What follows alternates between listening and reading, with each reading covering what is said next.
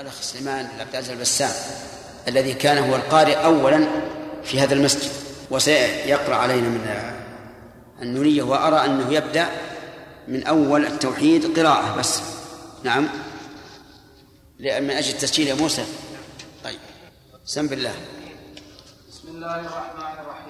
فصل في بيان توحيد الأنبياء والمرسلين ومخالفته لتوحيد الملاحدة والمعطلين. فاسمع إذا توحيد رسل الله ثم اجعله داخل كفة الميزان. مع هذه الأنواع وانظر أيها أولى لدى الميزان بالرجحان. توحيدهم نوعان قولي وفعلي كلا نوعيه ذو برهان.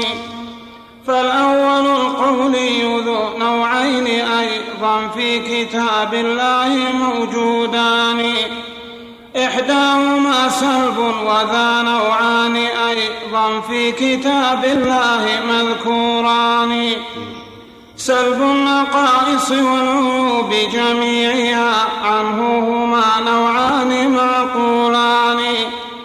سلب لمتصل ومنفصل هما نوعان معروفان أما الثاني.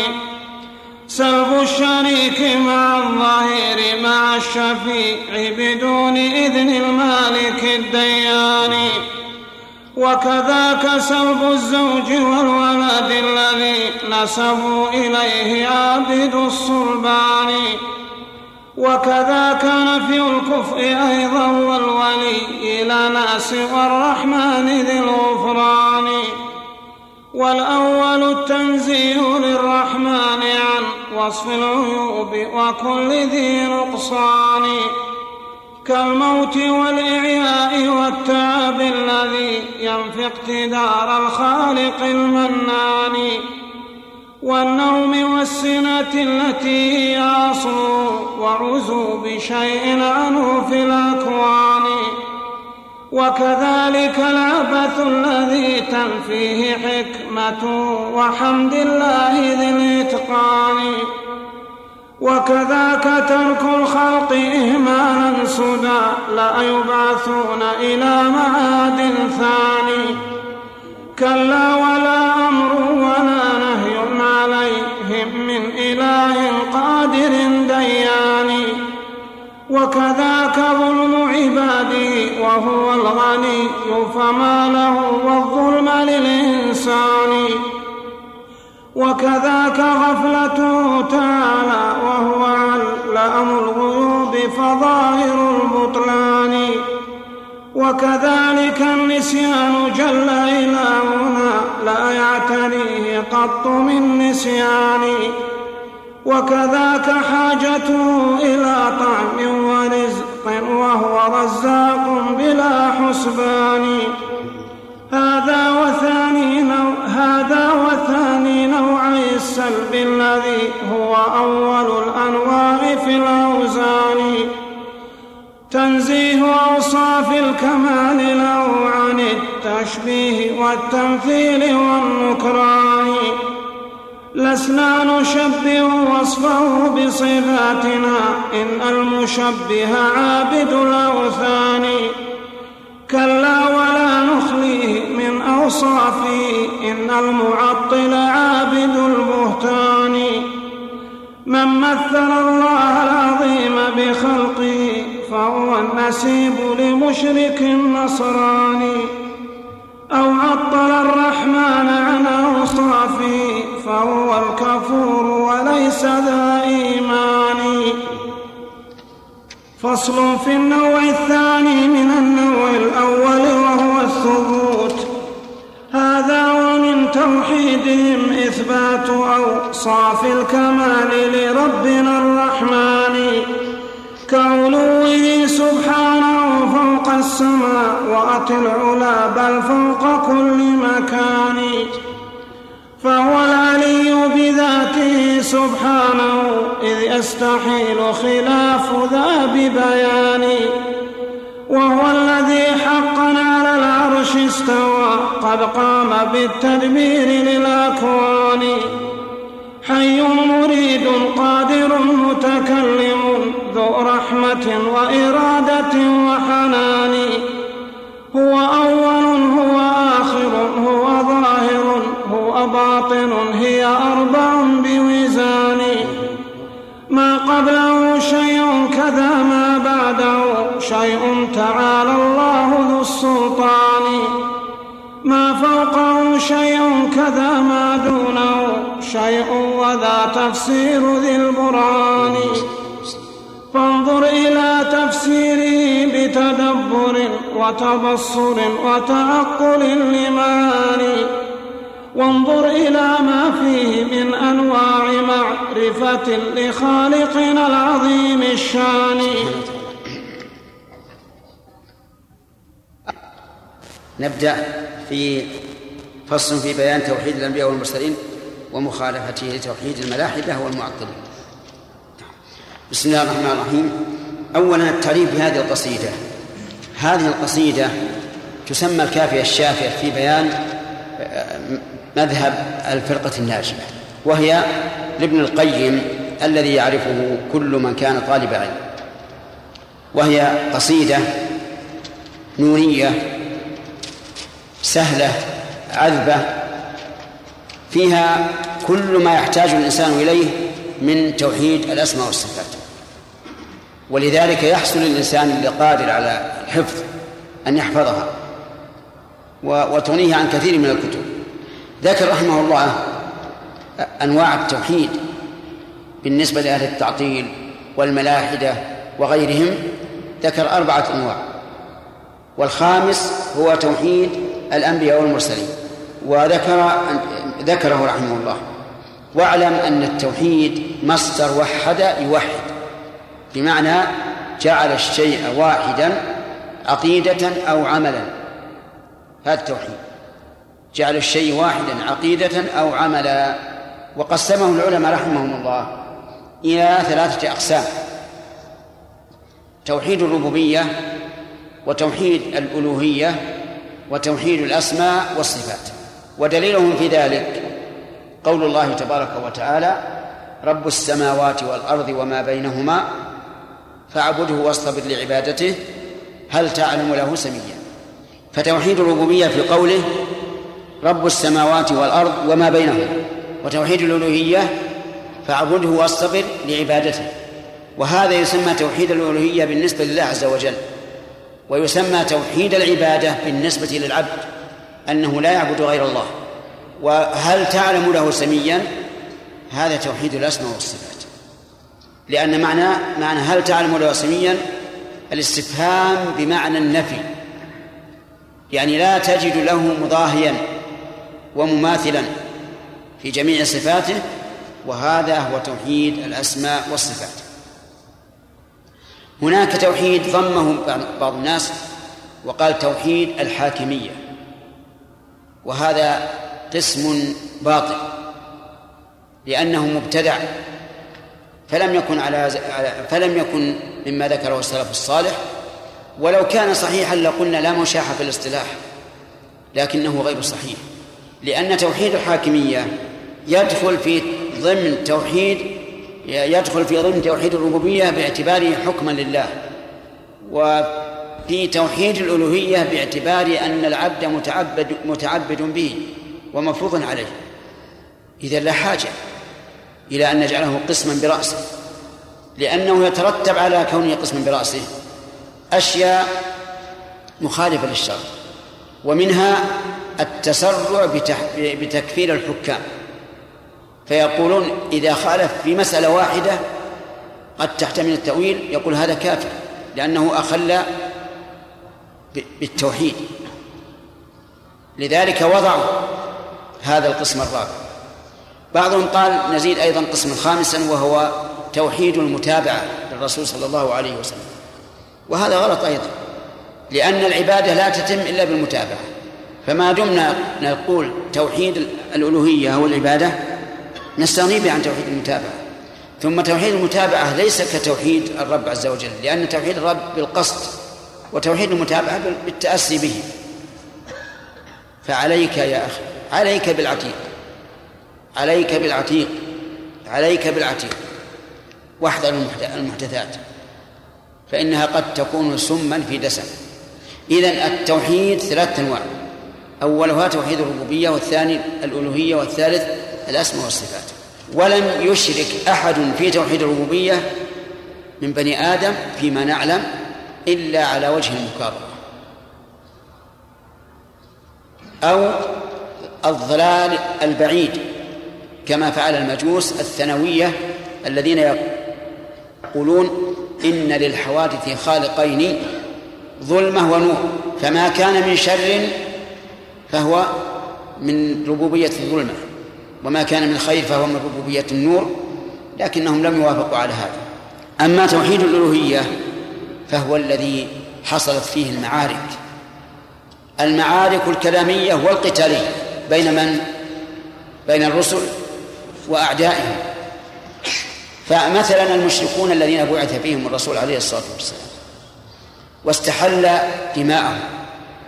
وأموالهم ونساءهم وذرياتهم لا ينكرون الربوبية. يقرون بأن الله واحد في ربوبيته. ولئن سألتهم من خلق السماوات والأرض ليقولن لا يقولون الله. ولا وإذا سئلوا من يدبر الأمر يقولون الله عز وجل. لكن الألوهية لا. يقولون في حق الرسول عليه الصلاة والسلام أجعل الآلهة إلها واحدا؟ وهذا إنكار. ثم رشحوا هذا الإنكار بقولهم إن هذا لشيء عجاب. عجاب بمعنى عجيب لكن فيه نوع من المبالغة. والحقيقة أن العجاب قولهم بتعدد الآلهة. الثالث توحيد الأسماء والصفات. خالف فيه من ممن يدينون بالإسلام من خالف بين الغالي والجافي الغالي في الإثبات والجافي الغالي في الإثبات المشبهة الممثلة. غلوا في إثبات صفات الله عز وجل. حتى أشركوا بهذا الغلو. كيف ذلك؟ قالوا إن صفات الله مثل صفات المخلوق. الوجه واليد والعين. كلها مثل صفات المخلوق. فجعلوا مع الله إلها آخر مماثلا له. والقسم الثاني إيش هم؟ جفوا وأنكروا الصفات. وهؤلاء أشركوا بالله عز وجل. حيث شبهوا الله تعالى بالمعدوم وبالناقص. وهذا نوع من الشرك. فالحاصل توحيد الربوبية لم ينكره المشركون الذين قاتلهم الرسول صلى الله عليه وسلم. توحيد الألوهية الألوهية إيش؟ أنكروه لكن لم ينكره من ينتسب للإسلام. إلا من دخل عليهم الشرك في القبور وما أشبه ذلك يدعون أنهم شفعاء. الأسماء والصفات هو الذي حصل فيه الخلاف بين أهل القبلة.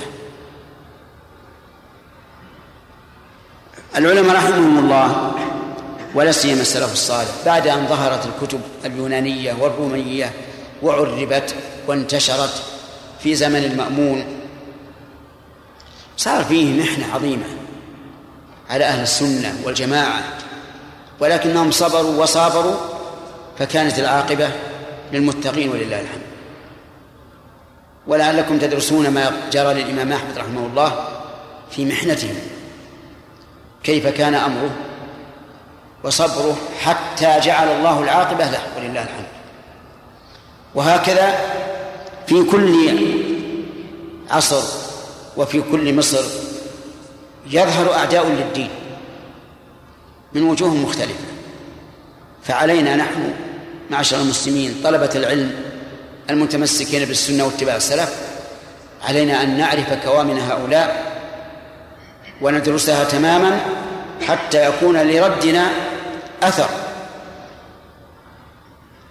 ولذلك نجد أن علماءنا رحمهم الله الذين تصدوا لرد أهل التعطيل نجد أن أو أهل المنطق والكلام نجد أنهم قرأوا هذه الكتب وقرأوا هذه الآراء وعرفوها.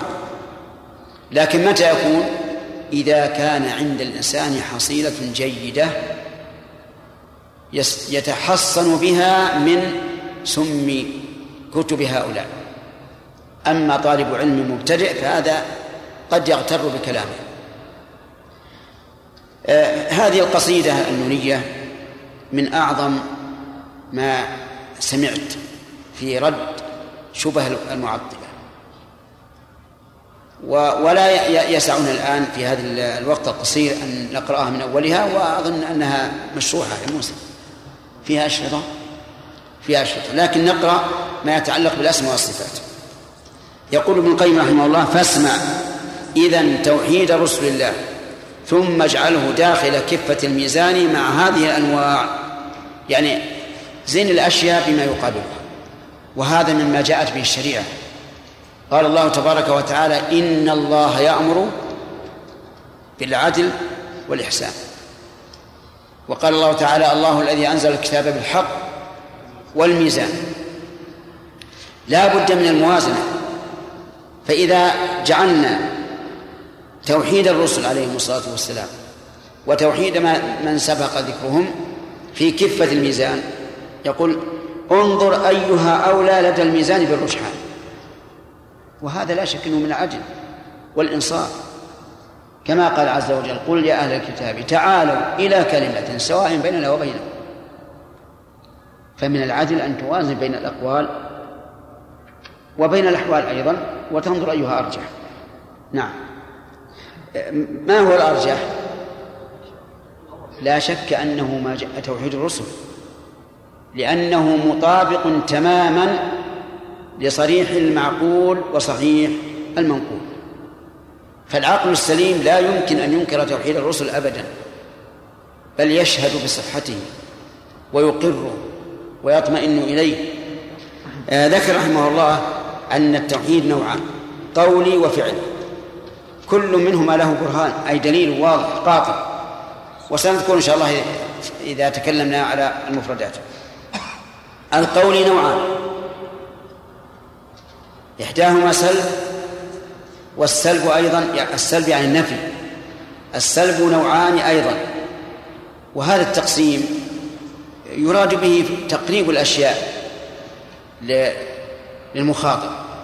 وهي, وهي واضحة. كلها تصب في كون الله سبحانه وتعالى واحدا في جميع صفاته منتف منتفيا عنه جميع النقائص والعيوب. طيب. السلب الذي هو النفي يقول رحمه الله النوعان متصل ومنفصل. أما الثاني وهو المنفصل فهو سلب الشريك. الشريك منفصل عن الخالق عز وجل. لكن سلب اللغوب وهو التعب متصل أو منفصل؟ متصل. يأتي إن شاء الله. سلب المنفصل يقول سلب الشريك. لا الله تعالى لا شريك له. لا في ربوبيته ولا ألوهيته ولا أسمائه وصفاته. وعلى هذا ينتفي التمثيل في الصفات. ويمتنع ويمتنع أو ينتفي المشارك في الخلق والمشارك في العبادة. قوله مع الظهير يعني المعين مع الشفيع بدون إذن المالك الديان أيضا نفي الشفيع إلا بإذنه. كلها مذكورة في قول الله تعالى قل ادعوا الذين زعمتم من دون الله لا يملكون مثقال ذرة في السماوات ولا في الأرض. وما لهم فيهما من شرك وما له منهم من ظهير ولا تنفع الشفاعة عنده إلا لمن أذن له. أربعة أشياء. ذكر الله في هذه الآية. يقول مع الشفيع بدون إذن المالك الدياني وكذاك سلب الزوج. نفى الله تعالى أن يكون له زوجة.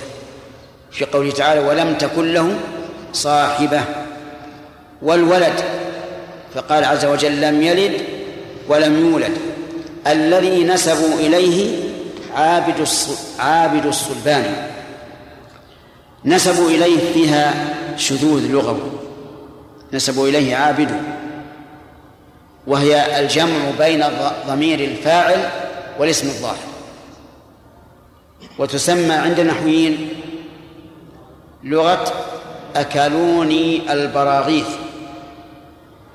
فهنا لو أردنا أن نطبق البيت على اللغة المشهورة لقلنا نسب إليه عابد السلطان.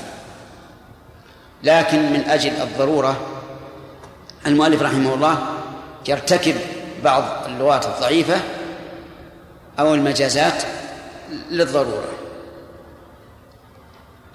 وكذاك نفي الكفء الكفء أيضا. في قوله تعالى ولم يكن له كفوا أحد. وكذاك نعم والولي لما سوى الرحمن ذي الغفران. نفي الولي. قال الله تعالى ولم يكن له ولي إيش؟ من الذل. يعني ما أحد ينصر الله عز وجل لوصفه بالذل. ابدا. الولي الناصر. من الذل يعني أن الله ذليل يحتاج إلى ناصر هذا لا, لا يمكن. بل هو ولي عباده كلهم. نعم. الأول يعني السلب المتصل سلب النقص المتصل. هو التنزيه للرحمن عن وصف العيوب وكل ذي نقصان. وصف العيوب يعني لا يوصف بعين. وكل ذي نقصان يعني أن صفته صفة الكمال لا يلحقها نقص. انتبه. فهذان نوعان. أولا أن ينفى عنه كل عيب ثانيا ينفى عنه كل نقص في صفة كماله. مثلا السمع السمع صفة كمال. هل يفوت هل يفوت الله شيء من المسموع؟ لا هل يمكن أن يعتريه الصنم؟ لا الكلام صفة كمال هل يمكن أن يلحق الله تعالى شيء من العيب؟ لا هل يمكن أن يكون أخرس لا يتكلم؟ لا إذا المؤلف يقول وصف العيوب وكل ذي نقصان يعني وكل صفة نقص. نعم كل صفة كمال فيها نقص. هذه ممنوعة. كالموت. طيب. النوم الموت ممتنع على الله. قال الله تعالى وتوكل على الحي الذي لا يموت. الإعياء قال الله تعالى أولم يروا أن الله خلق السماوات ولم يعيا بخلقهن. والتعب قال الله تعالى ولقد خلقنا السماوات والأرض وما بينهما في ستة أيام وما مسنا من لغوب أي من تعب. الذي ينفي اقتدار الخالق عند الديان. عندكم المنان؟ ديان نسختين يعني نفي النوم عن الله والسنة التي هي أصل النوم. قال الله تعالى لا تأخذه سنة ولا نوم. وعزوب شيء عنه في الأكوان. قال الله تعالى لا يعزب عنه مثقال ذرة في السماوات ولا في الأرض. أي لا يغيب. كذلك العبث الذي تنفيه حكمته يعني تأباه حكمة قال الله تعالى وما خلقنا السماوات والأرض وما بينهما لاعبين. وقال تعالى وما خلقنا السماء والأرض وما بينهما باطلا. الحكمة تنفي أن يكون ذلك باطلا أو أن يكون عبثا أو أن يخلق الله العبد سدى كذلك أيضا لا يمكن أن يترك الخلق سدى يعني هملا. ليس لهم مرجع وليس عليهم حساب. أرأيتم لو كان لو كان الخلق هذا؟ يوجد ثم يفنى ولا ولا يعود. لكان هذا لا شك من من أعبث العبث. ولهذا قال الله تعالى أيحسب الإنسان أن يترك سدى؟ يعني لا يؤمر ولا ينهى ولا يبعث ولا يحاسب. هذا تفسير لقول سدى يعني هل يمكن أن يتركهم يخلقهم ولا يأمرهم ولا ينهاهم لا يمكن. لأنه لو كان كذلك لكان عبث. كل هذا من السلب المتصل أو المنفصل؟ المتصل. نعم. يعني كذلك يسلب عنه عز وجل الظلم الظلم لأنه غني. فما له وللظلم الظلم؟ لا يرتكبه إلا من كان محتاجا. فيظلم ليأخذ أو يظلم لينكر ما عليه. والرب عز وجل غني. وهذا من الأدلة على امتناع الظلم عن الله. وهو أنه إيش؟ غني. كيف يظلم؟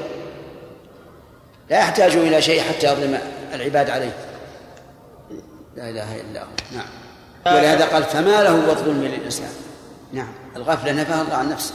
وما الله بغافل عما تعملون وما الله بغافل عما يعملون ولا تحسبن الله غافلا عما يعمل الظالمون. النسيان أيضا قال الله عز وجل في كتاب لا يضل ربي ولا ينسى ولكن قد يقول قائل كيف نجمع بين هذه وبين قوله تعالى نسوا الله فنسيهم؟ الجمع أن نقول نسوا الله فنسيهم من باب نسيان الترك. يعني تركوا الله تركوا أوامره فتركهم الله عز وجل. كما قال عز وجل إنا نسيناكم فذوقوا بما نسيتم لقاء يومكم هذا إنا نسيناكم. بسم الله الرحمن الرحيم. قبل أن نبدأ بالكلام على الدرس الجديد سبق لنا المس أن المسلوب عن الله عز وجل متصل ومنفصل. فما هو المنفصل؟ نعم المنفصل مثل الولد والشريك والمعين والشفيع وما أشبه ذلك. طيب. المتصل.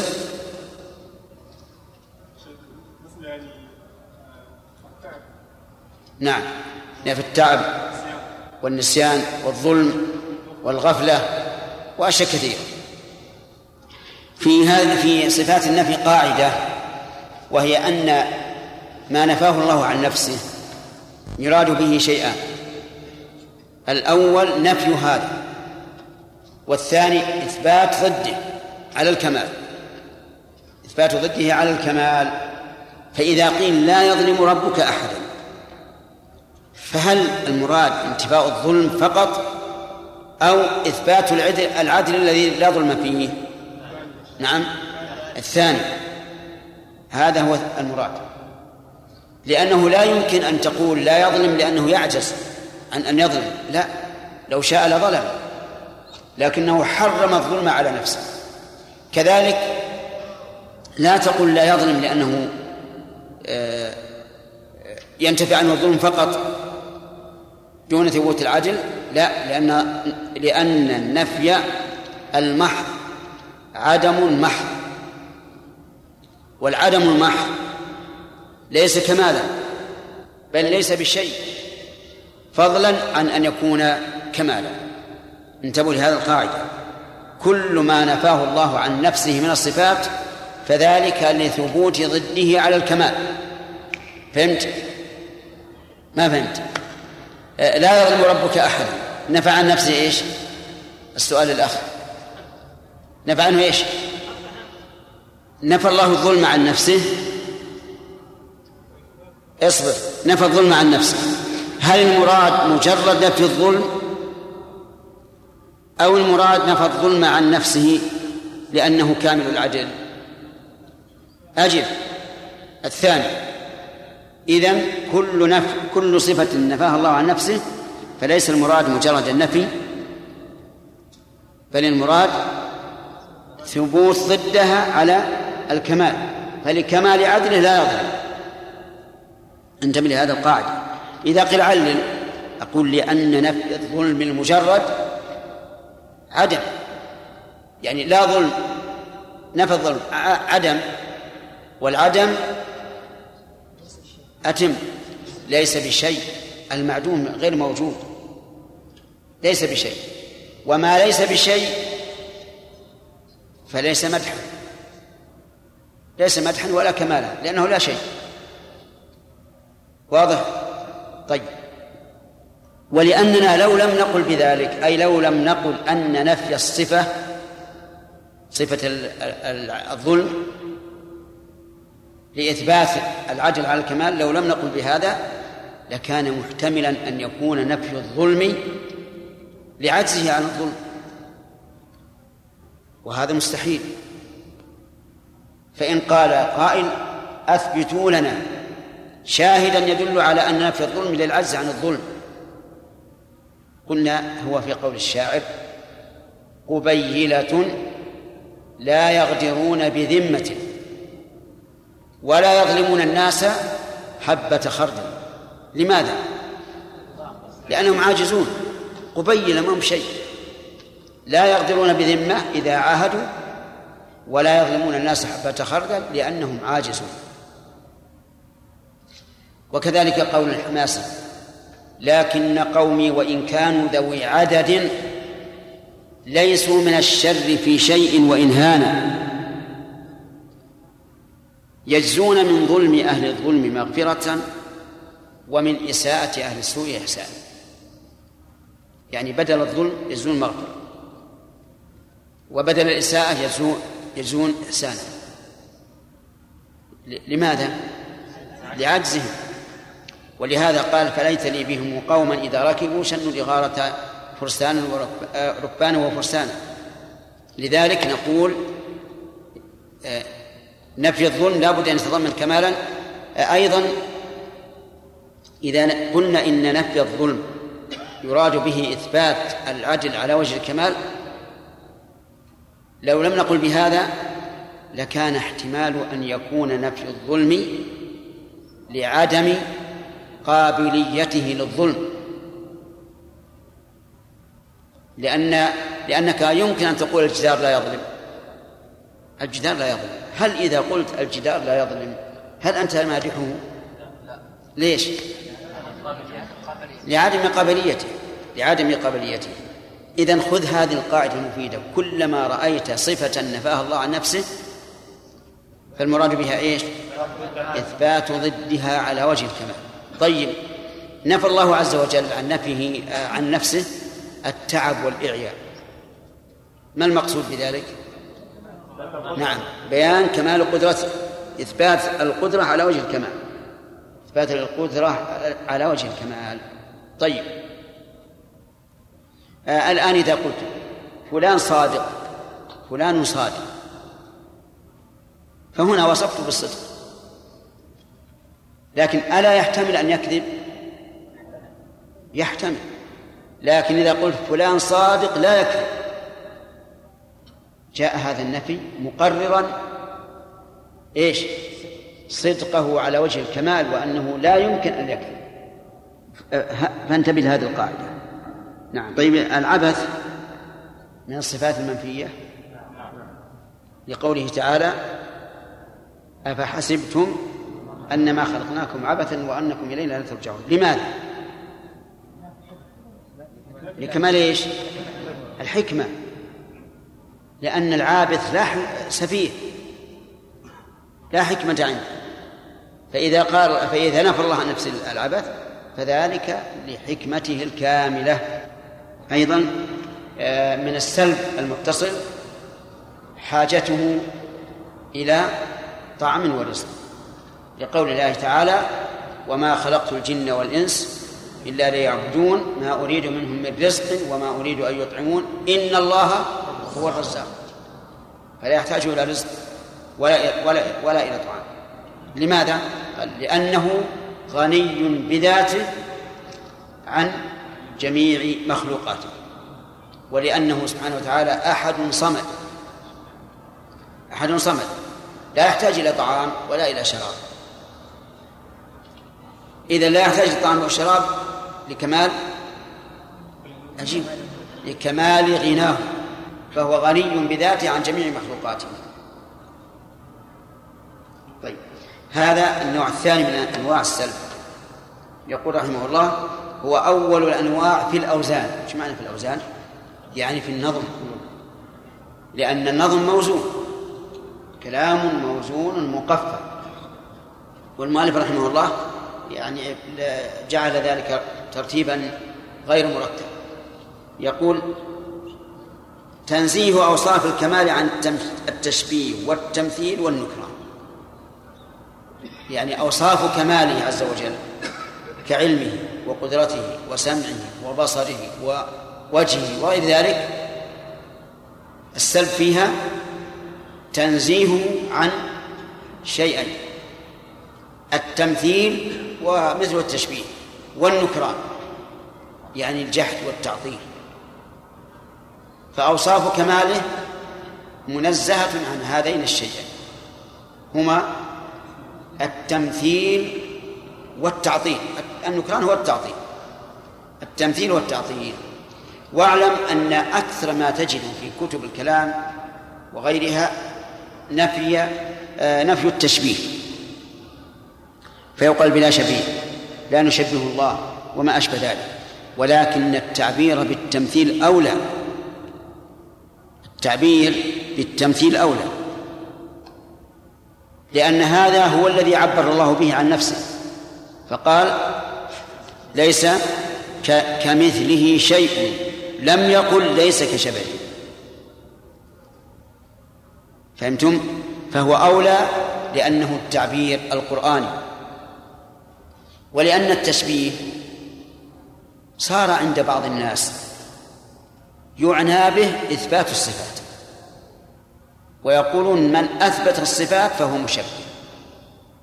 ويرمون أهل السنة الذين يثبتون الصفات بأنهم مشبهة. فإذا قلت بلا تشبيه تخاطب من قرأ أن التشبيه إثبات الصفات صار معناه عنده التعطيل. لكن بلا تمثيل هو الحق. أيضا بلا تشبيه. إن أراد نفي التشبيه المطلق يعني المشابهة من كل وجه فهذا لا حاجة إليه. لأنه لم يقل أحد من الخلق إن الله مشابه للمخلوقات من كل وجه.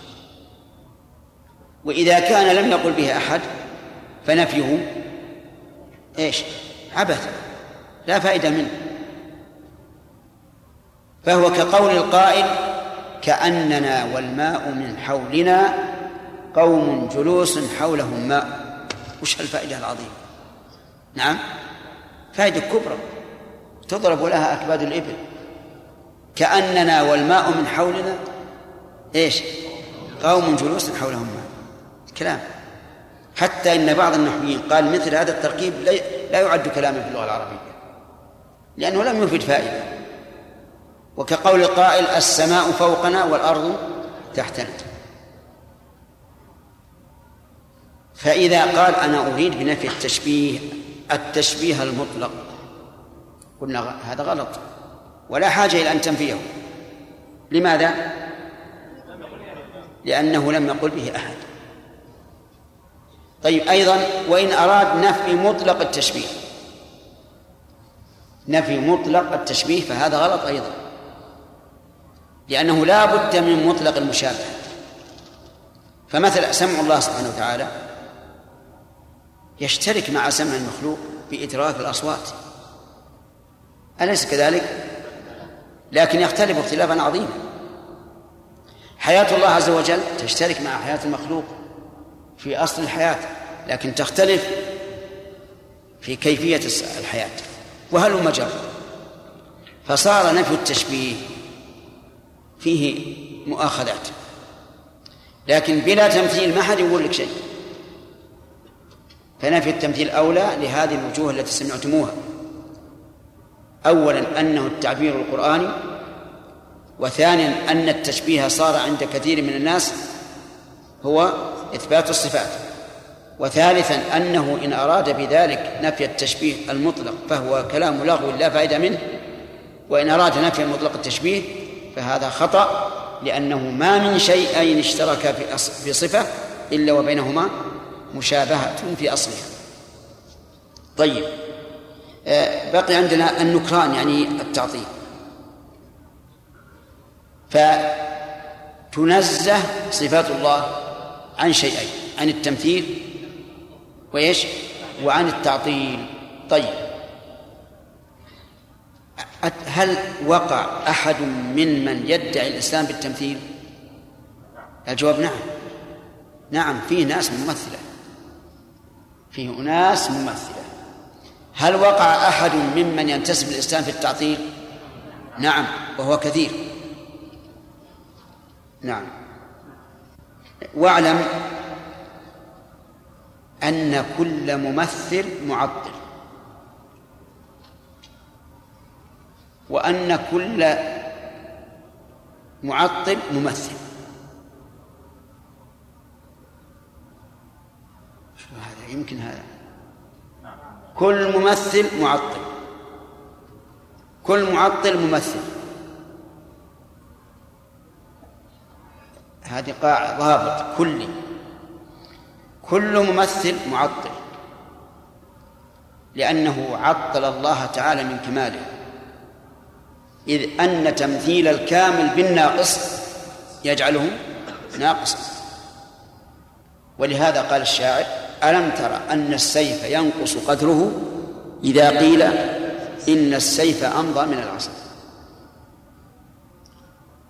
ثانيا أنه أن الممثل عطل جميع النصوص التي تنفي المماثلة. عطل قوله تعالى ليس كمثله شيء عطل قوله تعالى تعلم له سميا عطل قوله تعالى لم يكن له كفوا أحد. إذن كل ممثل معطل لوجهين الأول يلا محمد خليل. عطل الله عن كماله واجب. وجه ذلك أنه شبهه بالناقص وتشبيه الكامل بالناقص يجعله ناقصا. طيب. ثانيا. عطل كل نص يدل على نفي المماثلة. كل معطل ممثل. يعني مثل الذي ينكر استواء الله على العرش رحمك الله. ينكر نزوله إلى السماء الدنيا. ينكر أن يكون له يد نقول أنت ممثل. أنت ممثل لماذا؟ لأنه إنما عطل بناء على أن إثبات الصفات يستلزم التمثيل. فمثل أولا وعطل ثانيا. فصار كل معطل ممثل. هذه واشة أنه إنما عطل الصفات لكونه يعتقد أن إثباتها يستلزم إيش؟ التمثيل. ثانيا أنه إذا عطل الله عز وجل عن صفاته مثله بالمعدوم أو بالناقص. إذا قال لا لا يفعل الشيء باختياره ولا يشاء أفعال العباد ولا ينزل إلى السماء الدنيا. فلا شك أنه ممثل. لأنه إذا انتفت صفات الكمال لازم ثبوت ضدها فيكون ممثلا لله تعالى بما هو ناقص. نعم. هنا نقول الأفضل أن يقال لسنا نمثل وصفه بصفاتنا إن الممثل عابد الأوثان. إذا مثل الله بخلقه صار مثل الوثن. صار وثنا مثل اللات والعزى ومنات وهبل وما أشبه. فيكون الممثل عابدا للأصنام. المعطل لم يثبت وجودا. لم يثبت وجود إله. لأنه إذا انتفت عنه الصفات بقي معدوما. فيكون عابد البهتان يعني عابد الكذب. ثانيا أنه إذا عطل الله عز وجل عن صفاته مثله بالمعدوم أو بالناقص. إذا قال لا لا يفعل الشيء باختياره ولا يشاء أفعال العباد ولا ينزل إلى السماء الدنيا. فلا شك أنه ممثل. لأنه إذا انتفت صفات الكمال لازم ثبوت ضدها فيكون ممثلا لله تعالى بما هو ناقص. نعم. هنا هنا نقول الأفضل أن يقال لسنا نمثل وصفه بصفاتنا إن الممثل عابد الأوثان. إذا مثل الله بخلقه. صار مثل الوثن. صار وثنا مثل اللات والعزى ومنات وهبل وما أشبه. فيكون الممثل عابدا للأصنام. المعطل لم يثبت وجودا لم يثبت وجود إله. لأنه إذا انتفت عنه الصفات بقي معدوما. فيكون عابد البهتان. يعني عابد الكذب. لأنه ما في رب يعبد. لا لم يعبد ربا لأنه إذا سلبه أوصافه وش صار؟ صار عدما وهذا من أحسن ما يكون مما شبهه المؤلف رحمه الله. الممثل يعبد الصنم. المعطل يعبد عدما. فهو كذب. الموحد يعبد إله الأرض والسماء سبحانه وتعالى. نعم. النسيب يعني المماثل له. لأن النسب يقرب الناس بعضهم لبعض. آه لمشرك النصراني. نعم. إذا ابن القيم رحمه الله يرى أن الممثل مشرك وأن المعطل كافر. لكن هذا على سبيل الإجمال. على سبيل الإجمال. أما عند التفصيل فيحكم لكل واحد على كل واحد منهم بما يقتضيه تمثيله أو تعظيمه. نعم. توحيد من؟ توحيد الرسل وأتباعهم لأن الفصل هذا في توحيد الرسل وأتباعهم من آه من توحيد الرسل إثبات أوصاف الكمال. إثبات أوصاف الكمال التي تتضمنها أسماء. لأن كل اسم من أسماء الله متضمن لصفة كمال. وقد يكون الاسم متضمنا لصفتين أو أكثر. فالخلاق من أسماء الله. ولا خلق إلا بعلم وقدرة. إلا بعلم وقدرة. وعلى هذا فيكون الخلاق دالا على الخلق. ودالا على العلم. ودالا على القدرة. كل اسم من أسماء الله لا بد أن يكون متضمنا لصفة صفة كمال. ولهذا نقول في هذا الباب القاعدة في الأسماء أنه إذا كان الاسم لازما لم يتم الإيمان به إلا بإثباته اسما لله عز وجل وبإثبات ما دل عليه من الصفة. هذا إذا كان لازما فالواجب إثبات شيئين. قاضي.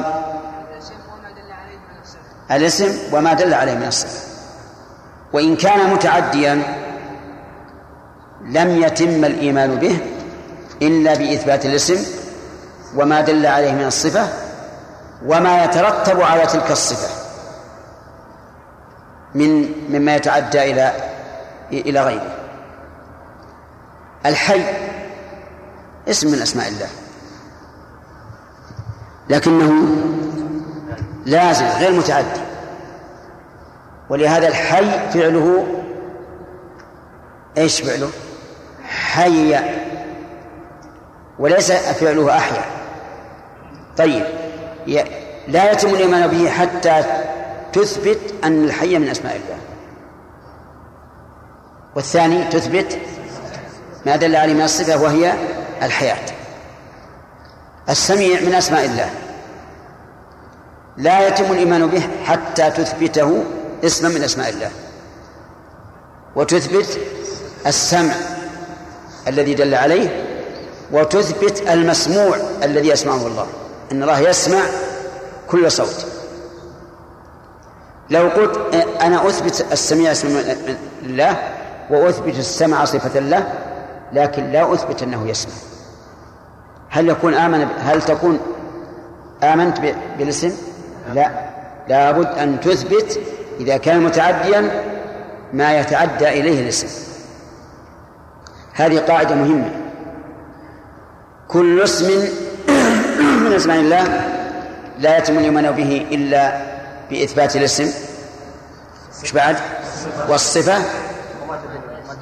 وما دل عليه هذا الاسم إذا كان متعديا وإن كان لازما فالاسم والصفة. آه، من ذلك يقول كعلوه سبحانه فوق السماء. فوق السماوات العلا بل فوق كل مكان فهو العلي بذاته. من من من توحيد الرسل عليهم الصلاة والسلام إثبات علو الله. وقد جاءت الاسم العلي والأعلى. العلي صفة مشبهة لازمة والأعلى اسم تفضيل. وذكر الأعلى غير مقيد يعني لم يقل أعلى من كذا بل جعل وصفا لا لازما. فتبين بهذا إثبات العلو وأنه امشي. أعلى من كل شيء. هذا العلو يقول رحمه الله فوق السماوات العلى بل فوق كل مكان. وش فوق السماوات؟ العرش الكرسي. والله تعالى فوق العرش وفوق الكرسي. وقوله بذاته إنما نص على هذا لأن من أهل القبلة الذين ينتسبون للإسلام من يقول إنه علي بصفاته لا بذاته. لا بذاته. سبحان الله. المؤلف يقول بذاته. قد يقول قائل لماذا جاء بذاته؟ والله عز وجل يقول وهو العلي العظيم. ولم يقل بذاته. نقول أتى بها لسببين. أولا أن كل ما أضيف إلى الله من الصفات فهو متعلق بذاته. فإذا قيل خلق السماوات يعني هو نفسه. أنزل من السماء يعني هو نفسه. استوى العرش يعني هو نفسه. لأنه فعل مضاف إلى فاعله. ثانيا لأجل للرد على الذين يقولون إن الله ليس عليا بذاته. ويجعلون العلو علو صفة فقط. ثم انقسم هؤلاء المبطلون إلى قسمين. وأعني بالمبطلين من؟ الذين أنكروا علو الذات. انقسموا إلى قسمين. قسم قال إن الله سبحانه وتعالى في كل مكان. كل مكان فالله فيه. قسم آخر قالوا لا يجوز أن نثبت أن الله في مكان. لا فوق ولا تحت ولا يمين ولا يسار. ما نثبت. وكلا القولين باطل. باطل بالسمع والعقل والفطرة. وسنذكر إن شاء الله الأدلة على هذا. الذين قالوا إنه بكل مكان لا شك أنهم لم ينزهوه عن الأقدار والأنتان. فهو في المراحيض والعياذ بالله. في المساجد في الأسواق في كل مكان. وهؤلاء يلزمهم هذا هذا هذا اللازم. يلزمهم ولا بد أو يتراجعوا عن قولهم. هذه واحد. أنهم لم ينزهوه عن إيش؟ الأقدار والأنتان والروائح الكريهة. ثانيا أن نقول لهم إذا كان في, في كل مكان بذاته عز وجل. فالذين الذين في المسجد يكون عندهم والذين في السوق عندهم والذين في البحر عندهم والذين في الجو عندهم. كم يكون من إله؟ نعم؟ لا يحصى. لا يحصى أن يكون إلها أو يلزمهم أن يقولوا بتجزئه سبحانه وتعالى. جزء منه هنا وجزء هنا وجزء هناك. يلزمهم هذا ولا بد. والذين قالوا إنه ليس, ليس له مكان ولا يمكن أن نقول فوق ولا تحت ولا يمين ولا يسار. هؤلاء وصفوه بالعدم. وصفوه بالعدم. ولهذا ألزم الأمير المظفر محمد بن سبكتكين ألزم الكلامية المنطقي محمد بن فورك وقال له صف لنا ربك قال لا, لا ليس فوق ولا تحت ولا إلى إلى آخره. قال إنك وصفت ربك بالعدم. ألزمه بهذا. فصار كلا القولين باطل. كلا قول باطل. وما هو الصحيح؟ اسمع يقول مالك رحمه الله فهو العلي بذاته سبحانه إذ يستحيل خلاف ذا ببيانه يستحيل ألا يكون عاليا لأن ضد العلو السفل وهذا نقص. وإذا قلنا هو السفل فإما أن يكون حالا في المخلوقات وإما أن يكون عين المخلوقات. وكلاهما باطل حلول واتحاد نسأل الله العافية. ثم إن علو الله عز وجل بذاته دلت عليه أنواع الأدلة القرآن والسنة والإجماع والعقل والفطرة. خمسة القرآن والسنة والإجماع والعقل والفطرة. أما القرآن فمملوء من ذكر علو الله عز وجل بعبارات متنوعة. كما قال عز وجل يخافون ربهم من فوقهم. وقال إليه يصعد الكلم الطيب والعمل الصالح يرفعه. وقال يدبر الأمر من السماء إلى الأرض ثم يعرج إليه. والأمثلة على هذا كثيرة لا تحصى. وأما السنة فجاءت بأنواعها الثلاثة القول والفعل والإقرار. أما القول فإن النبي صلى الله عليه وسلم لا شك أخبر بأن الله تعالى في السماء فقال ربنا الله الذي في السماء يتقدس اسمه. وكان يقول في صلاته سبحان ربي الأعلى. وأما الفعل فأثبته صلى الله عليه وسلم في أكبر مجتمع للمسلمين في عهده. ففي خطبته في حجة الوداع وهو بعرفة قال لأصحابه ألا هل بلغت؟ قالوا نعم. قال اللهم اشهد. يرفع أصبعه إلى السماء ويردها إلى الناس ثلاث مرات وهو يقول اللهم اشهد هذا إثبات بإيش؟ لعلوه بالفعل وهو الإشارة وأما الإقرار ففي حديث معاوية بن الحكم رضي الله عنه حين أتى بجاريته التي صكها وأراد أن يعتقها فدعا بها النبي صلى الله عليه وعلى آله وسلم فجاءت. فقال لها أين الله؟ قالت في السماء. قالت في السماء. قال أعتقها فإنها مؤمنة. فثبتت السنة بأنواعها الثلاثة القولية والفعلية والإقرارية.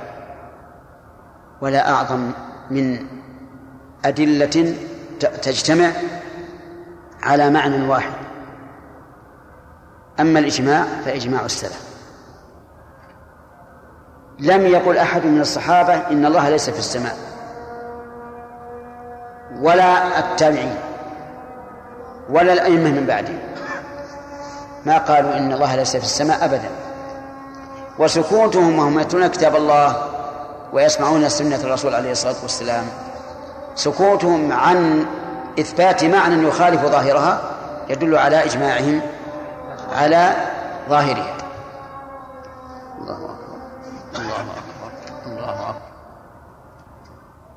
دلالة العقل على علو الله بذاته أن نتساءل هل العلو من صفات الكمال أو صفات النقص؟ عقلا من صفات الكمال ولا أحد ينكر هذا. وإذا كان من صفات الكمال لزم أن يكون الله متصفا به. إذ أننا لو وصفناه بالسفل وحاشاه من ذلك لزم أن يكون إما مع الخلق وإما تحت الخلق. نسأل الله العافية. كل هذا مستحيل. الفطرة الفطرة كل إنسان مفطور على أن الله في السماء. يعني الذي لم يدرس كلام المتكلمين والمناطق لا يطرأ على باله أن الله تعالى ليس فوق السماوات أبدا. لو تأتي للعجوز التي لم تقرأ أبدا وتقول أين الله؟ نعم لقالت في السماء. ثم إن كل إنسان يدعو الله عز وجل فإنه يجد من نفسه ضرورة بطلب العلو. أنت عندما تريد أن الله ترفع يديك له لا هل توجهها يمين ويسار؟ نعم. ولا أسفل؟ لا. توجهها إلى فوق. فطرة تغلبك على أن تتجه إلى السماء. ولهذا لما كان أبو المعالي الجويني رحمه الله وعفى عنه يتكلم عن الاستواء. يريد أن يقول إن الله لم يستوى على العرش. قال له أبو العلاء الهمداني رحمه الله يا شيخ أو يا أستاذ دعنا من ذكر العرش والاستواء على العرش لكن أخبرنا عن هذه الضرورة التي نجدها في نفوسنا. ما قال عارف قط يا الله إلا وجد من قلبه ضرورة بطلب العلو. فجعل يضرب على رأسه حيرني حيرني حيرني. لأنه ما يستطيع أن ينفي الفطرة. لا يستطيع أبدا. فالحاصل بارك الله فيكم أن من عقيدتنا التي ندين الله بها ونسأل الله أن يتوفانا عليها أن الله تعالى نفسه في السماء فوق كل شيء. وما السماوات السبع والأرض السبع في كفه إلا كخردلة في كف أحدنا؟ الخردلة وش بالنسبة لليد؟ لا شيء. كل المخلوقات ليست بشيء عند الرب عز وجل. فله العلو المطلق. البقية إن شاء الله الاستواء العرش أيضا مهم.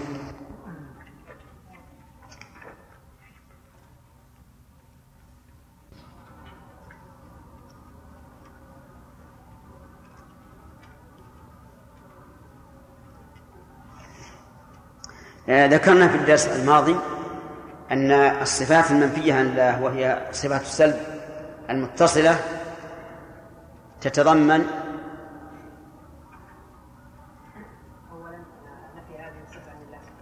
أولا نفي هذه الصفة عن الله. ثانيا إثبات كمال ضدها. إثبات كمال ضدها. يعني أنها إنما نفيت لكمال ضدها. المثال الظلم لله. نعم. أين الدليل على أن الله نفع نفسه الظلم؟ إن الله لا يظلم الناس نعم.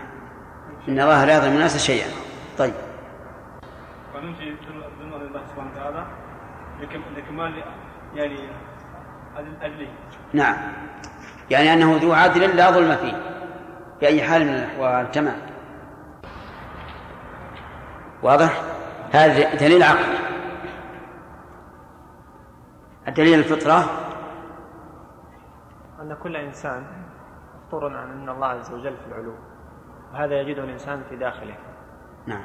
وهو مفطور أن كل إنسان مفطور على أن الله تعالى في العلو ولهذا إذا دعا إذا دعا ربه أن يتجه. إلى يتجه على طول إلى السماء لا يمين ولا يسار. بقي علينا أن المؤلف رحمه الله قال فهو العلي بذاته والقرآن والسنة ليس فيها بذاته. فما هو الجواب عما يقع من عبارات السلف في مثل العلو والنزول إلى السماء الدنيا بذاته وما أشبه ذلك؟ دكتور صالح.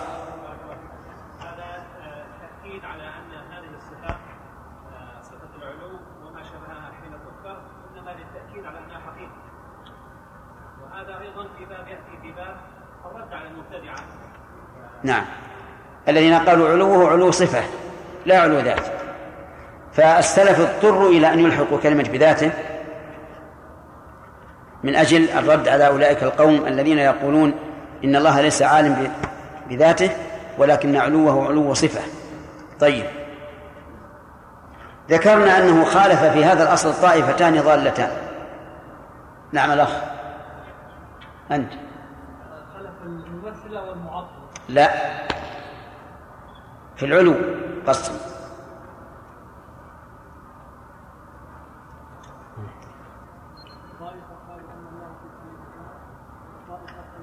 طائفة قالت إن الله تعالى نفسه في كل مكان. طيب والثانية؟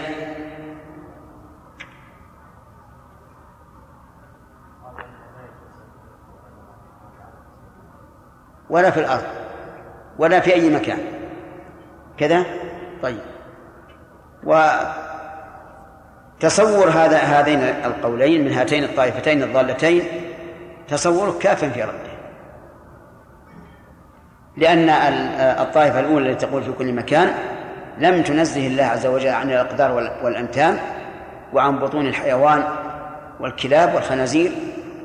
والثانية وصفته بالعدم أنه لا وجد له.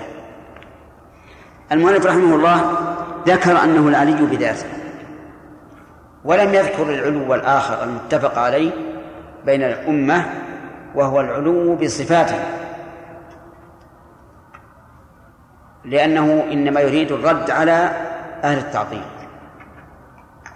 ولهذا نقول إن علو الله عز وجل نوعان علو ذاتي وعلو إيش؟ وصفي.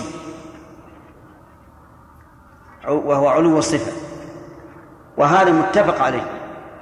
متفق عليه بين علماء بين أهل الملة الإسلامية. لم يجوز أحد منهم أن يوصف الله تعالى بالنقص. ولكن ما ميزان النقص والكمال؟ هذا هو محط الرحل أهل البدع يرون أن الميزان هو العقل. فما اقتضى العقل أنه كمال أثبتوه؟ وما اقتضى أنه نقص نفوه؟ وما لا يقتضي هذا ولا هذا؟ فمنهم من أثبته فمنهم من توقف فيه ومنهم من نفاه. ولكن نقول إن مرجع الوصف أي ما يوصف الله به من الكمال هو الكتاب والسنة. والعقل يهتدي إلى أن الله تعالى موصوف بالكمال على سبيل العموم. أما على سبيل التفصيل فلا.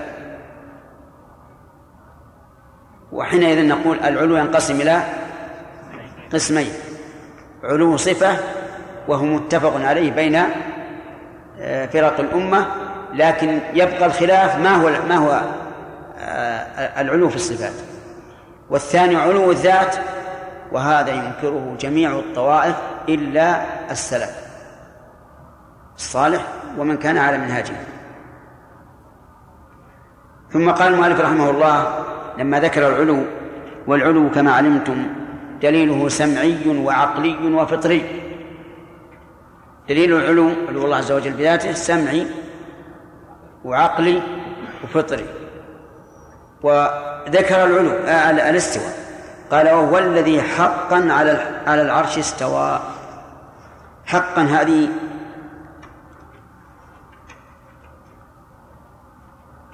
صفة لمحذوف. والتقدير استواء حقا. قوله حقا على العرش استوى. العرش مخلوق عظيم.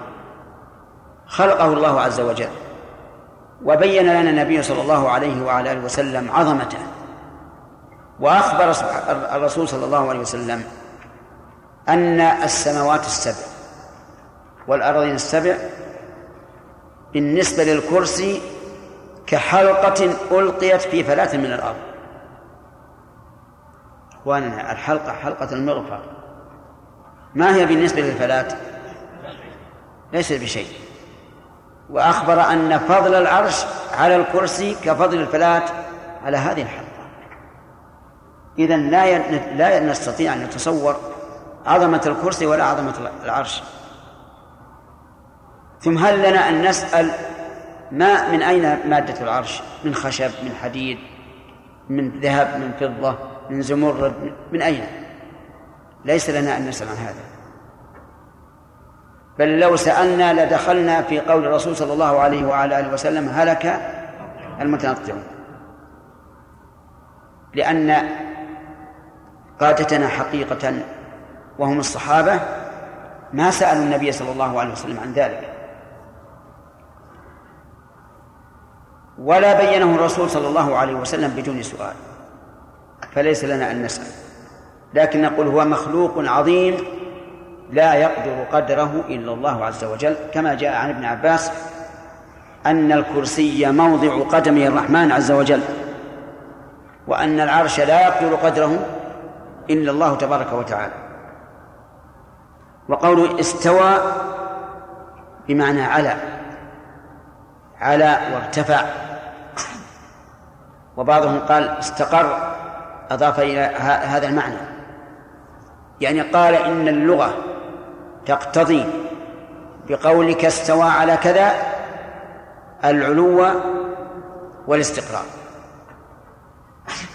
وذكروا لهذا أمثلة منها قول الله تعالى فإذا استويت أنت ومن معك على الفلك. فإذا استويت أنت ومن معك على الفلك. وقوله تعالى وجعل لكم من الفلك والأنعام ما تركبون. لتستووا على ظهوره ثم تذكرون نعمة ربكم إذا استويتم عليه يعني علوتم واستقررتم عليه وهذا العلو الذي اختص به العرش علو خاص. ليس هو العلو على جميع المخلوقات بل علو يختص بالعرش. ولا يقال إلا للعرش. فلا يجوز أن تقول استوى الله على الأرض ولا استوى الله على السماء.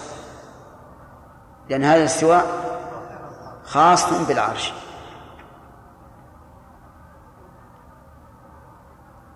دليله دليله سمع. لا مجال للعقل فيه ولا للفطرة. لأن العقل لا يدري هل خلق الله عرشا أم لا. ولا يدري هل استوى عليه لما خلقه أم لا. وكذلك الفطرة بقي عندنا الدليل السمع. وقد ذكره الله عز وجل في القرآن الكريم في سبعة مواضع. في سبعة مواضع. كلها على العرش استوى أو استوى على العرش. سبعة مواضع. يكفي في إثباته والإيمان به والجزم به. إيش؟ موضع واحد. فكيف وهو في سبعة مواضع من كتاب الله عز وجل؟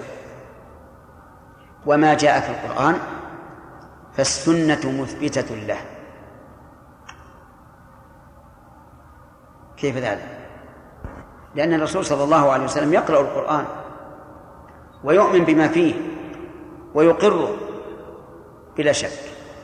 وما جاء في القرآن فالصحابة مجمعون عليه. لأنه لم يرد عن الصحابة ولا حرف واحد أنهم قالوا إن الله لم يستوي على العرش أبدا.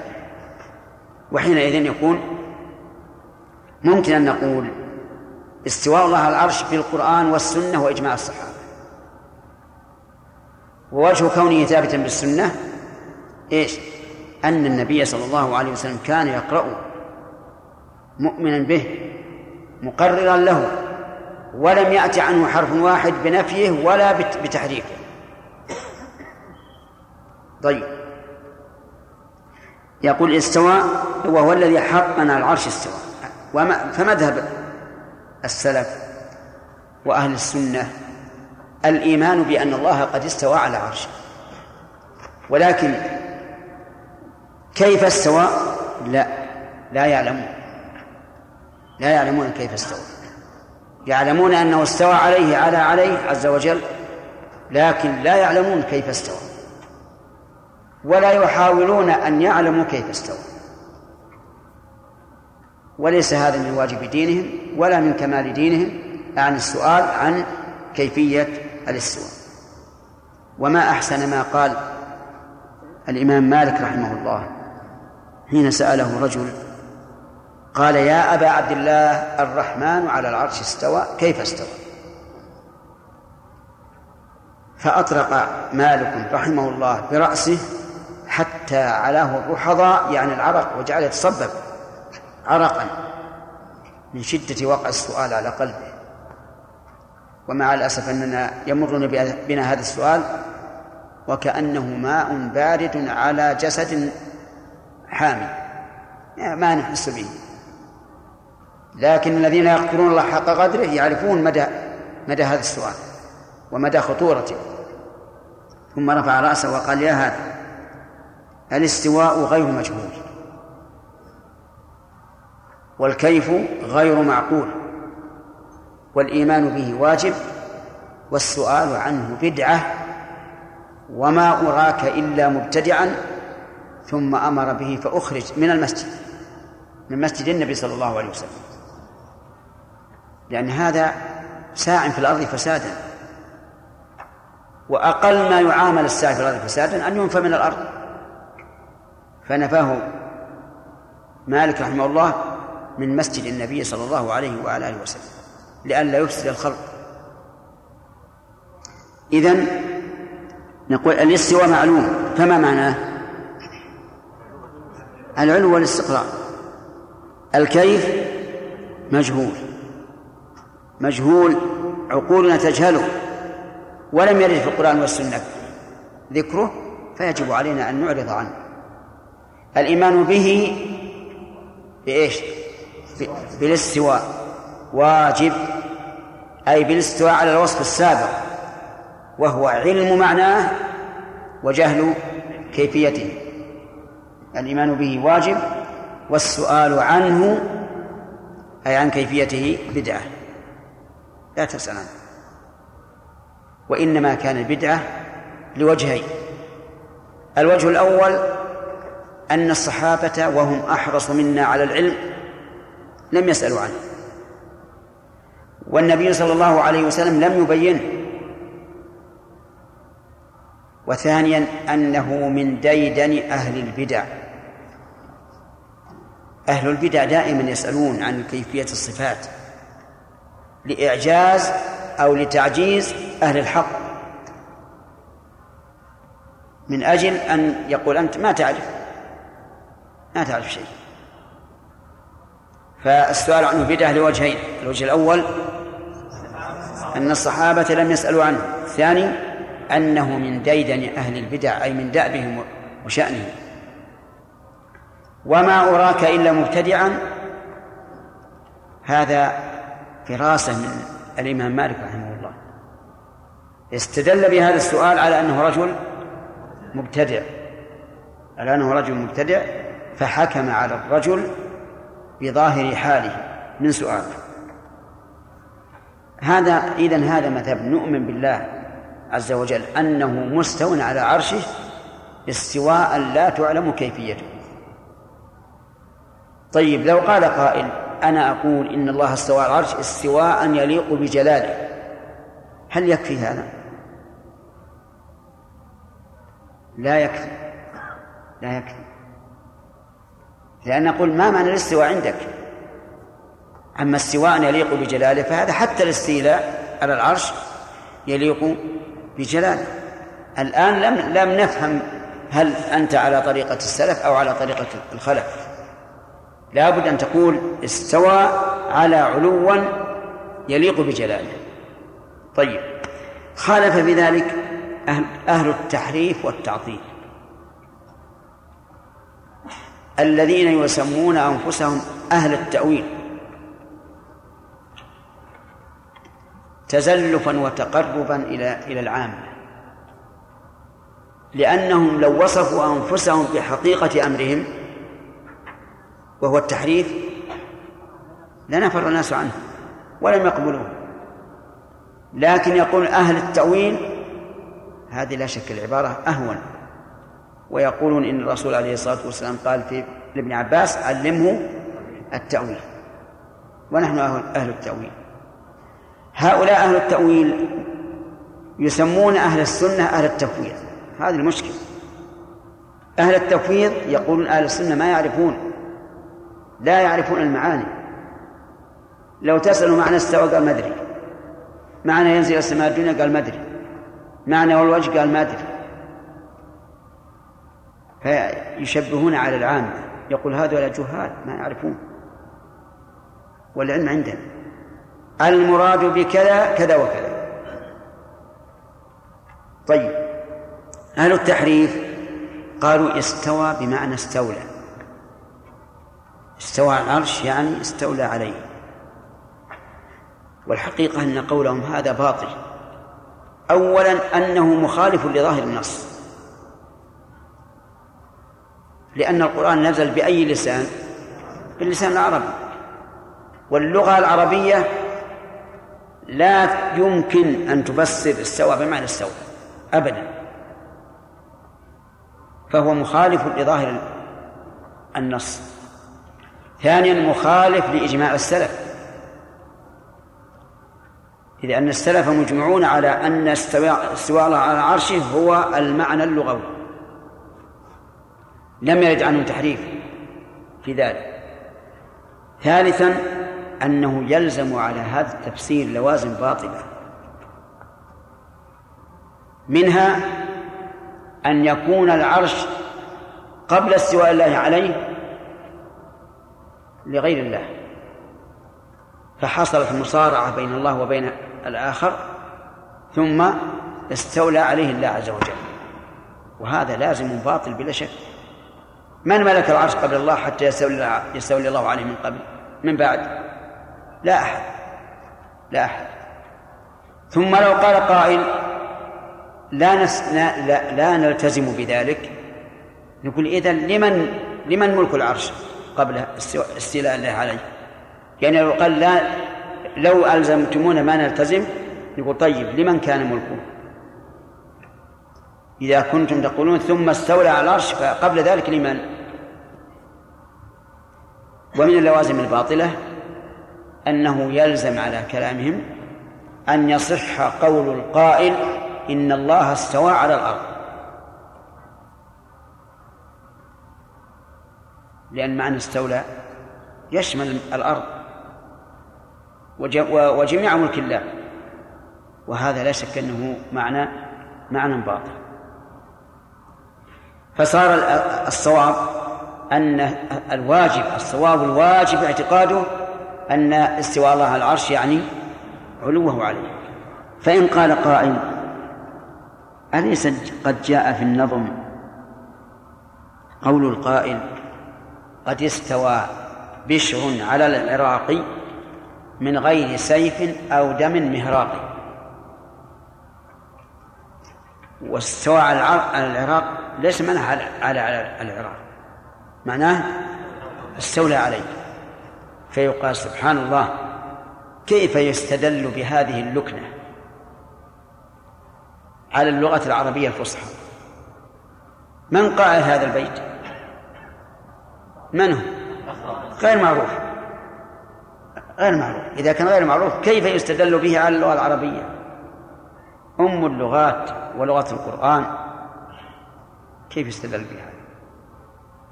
ثم نقول يمنع أن يكون استوى على العراق يعني على عليه حسا علوا حسيا يمنع أن هذا لا يمكن في العقل. لا يمكن. أليس كذلك؟ الطائرات في ذلك ما ما ما, ما وجدت حتى ترتفع عليه ولا يمكن. ثالثا نقول استوى على العراق استواء معنويا. يعني علوا معنويا وهو الاستيلاء. وحينئذ تكون استوى على العراق بمعناها الحقيقي لكن استواء معنويا. ولكني أقول لكم أيها الشباب أيها الطلبة الهوى يعمي ويصم الإنسان إذا اعتقد الشيء وذهب يستدل حاول أن يلوي أعناق النصوص إلى ما يعتقد. وهذه وصمة عار في الواقع. ليست على المتكلمين في العقائد فقط بل وحتى المتكلمين على الفقه. تجد الواحد منهم إذا كان على مذهب حاول أن يلوي أعناق النصوص إلى مذهبه وهذا والعياذ بالله محرم. لأن الواجب أن يكون أن يكون الإنسان تابعا للنصوص وليس متبوعا لها. ولهذا قيل استدل ثم احكم ولا تحكم ثم تستدل. لأنك إن حكمت أولا ثم استدلت فإنك ربما تخطئ. ربما تخطئ. طيب إذا نقول استوى على العرش أي على عليه واستقر عليه علوا واستقرارا يليق بجلال الله عز وجل. طيب فإن قال قائل هل يلزم من استواء العرش من استواء الله على العرش أنه لو زال العرش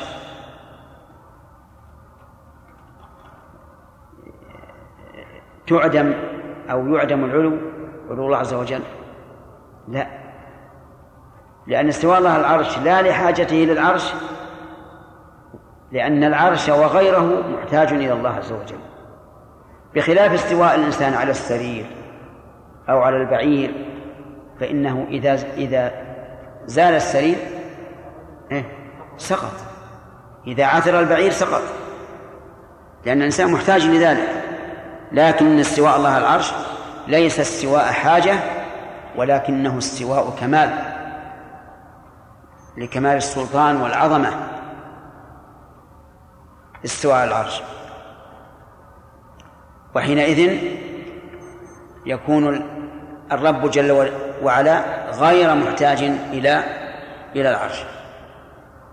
ثم قال المؤلف قد قام بالتدبير للأكوان. أشار رحمه الله بقوله قد قام بالتدبير للأكوان بعد ذكر استواء العرش إلى أن هذا من كمال عظمته وسلطانه. أنه استوى على عرش الملك. فيكون هذا من كمال العظمة والسلطان. حي مريد قادر. حي من الحياة. وقد قال الله تعالى الله لا إله إلا هو الحي القيوم. في كم موضع من القرآن؟ كم موضع ثلاثة سمعت من قال خمسة بلغة بلغة همسة هل هو ثابت؟ ثابت على الخمسة؟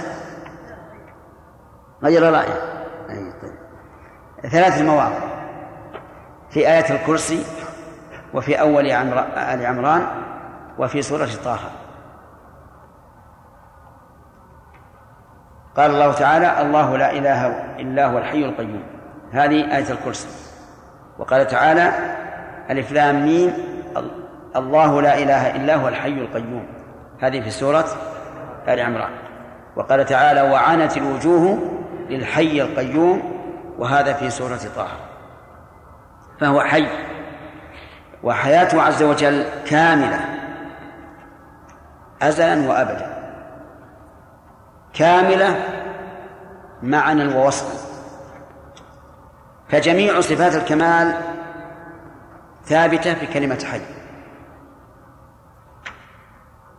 وهذه الحياة لم تسبق بعدم ولم يلحق ولا يلحقها زوال. بخلاف حياتنا حياتنا مسبوقة بالعدم. هل قال الله عز وجل هل أتى على الإنسان حين من الدهر؟ لم يكن شيئا مذكورا. كم عمر علي نور؟ تسعة عشر قبل واحد وعشرين سنة؟ ليس ليس بشيء. لم يكن شيئا مذكورا. وعمر محمد خليل كم؟ 22 سنة فرنجية ولا عربية؟ فرنجية. إذا 24 نعم. قبل 24 ليس بشيء. كلنا كذلك. قبل أن يولد قبل أن يكون الإنسان في بطن أمه ليس بشيء. والنهاية؟ العدم. كل من عليها فان ويبقى وجه ربك ذو الجلال والإكرام. لكنه ليس عدما محضا لأن الروح تبقى. الروح من الأشياء التي خلقها الله للبقاء. تبقى الروح والجسد إما أن يبقى أو لا يبقى. أجساد الأنبياء باقية لا شك. لأن الله حرم على الأرض أن تأكل أجساد الأنبياء. باقية؟ و...